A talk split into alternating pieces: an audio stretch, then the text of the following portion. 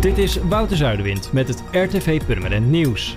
Wethouder Mario Hegger laat in een brief aan de gemeenteraad weten dat de voorbereidingen voor de komst van het Van der Valk Hotel in het Beuzenbos nog steeds doorgaan.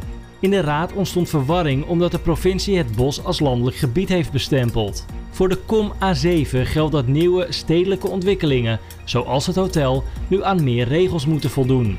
Zo komt er onder andere een extra kwaliteitsbeoordeling door de provincie bovenop de welstandsbeoordeling door de gemeente. Wethouder Hegger laat weten dat de aanvraag voor een omgevingsvergunning en het ontwerp van het bestemmingsplan begin 2021 ingediend gaan worden. Gelijktijdig met die aanvragen zal de gemeente het plan voorleggen aan de provinciale beoordelingscommissie. In de ondergrondse parkeergarage voor het stadhuis is straks plek voor 305 auto's. Bovenop wordt een groen plein gerealiseerd. De contracten tussen de gemeente en aannemer werden op 11 november getekend.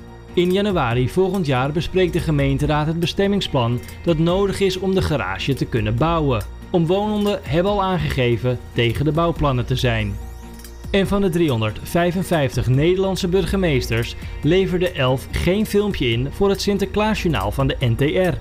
De 344 andere burgemeesters spraken allemaal een boodschap in waarin zij de kinderen uit zijn of haar stad bedankten voor het opsturen van een tekening naar Sinterklaas. Burgemeester Don Bijl was een van de elf die het aanbod afsloeg. De burgemeester houdt vast aan de eigen lokale zender van zijn stad en werkt elk jaar rond Sinterklaas graag samen met RTV Purmerend. Dat doet hij altijd en wilt hij ook dit jaar doen. Daarom deed hij niet mee aan het Sinterklaasjournaal. Laat een woordvoerder van de gemeente Purmerend weten.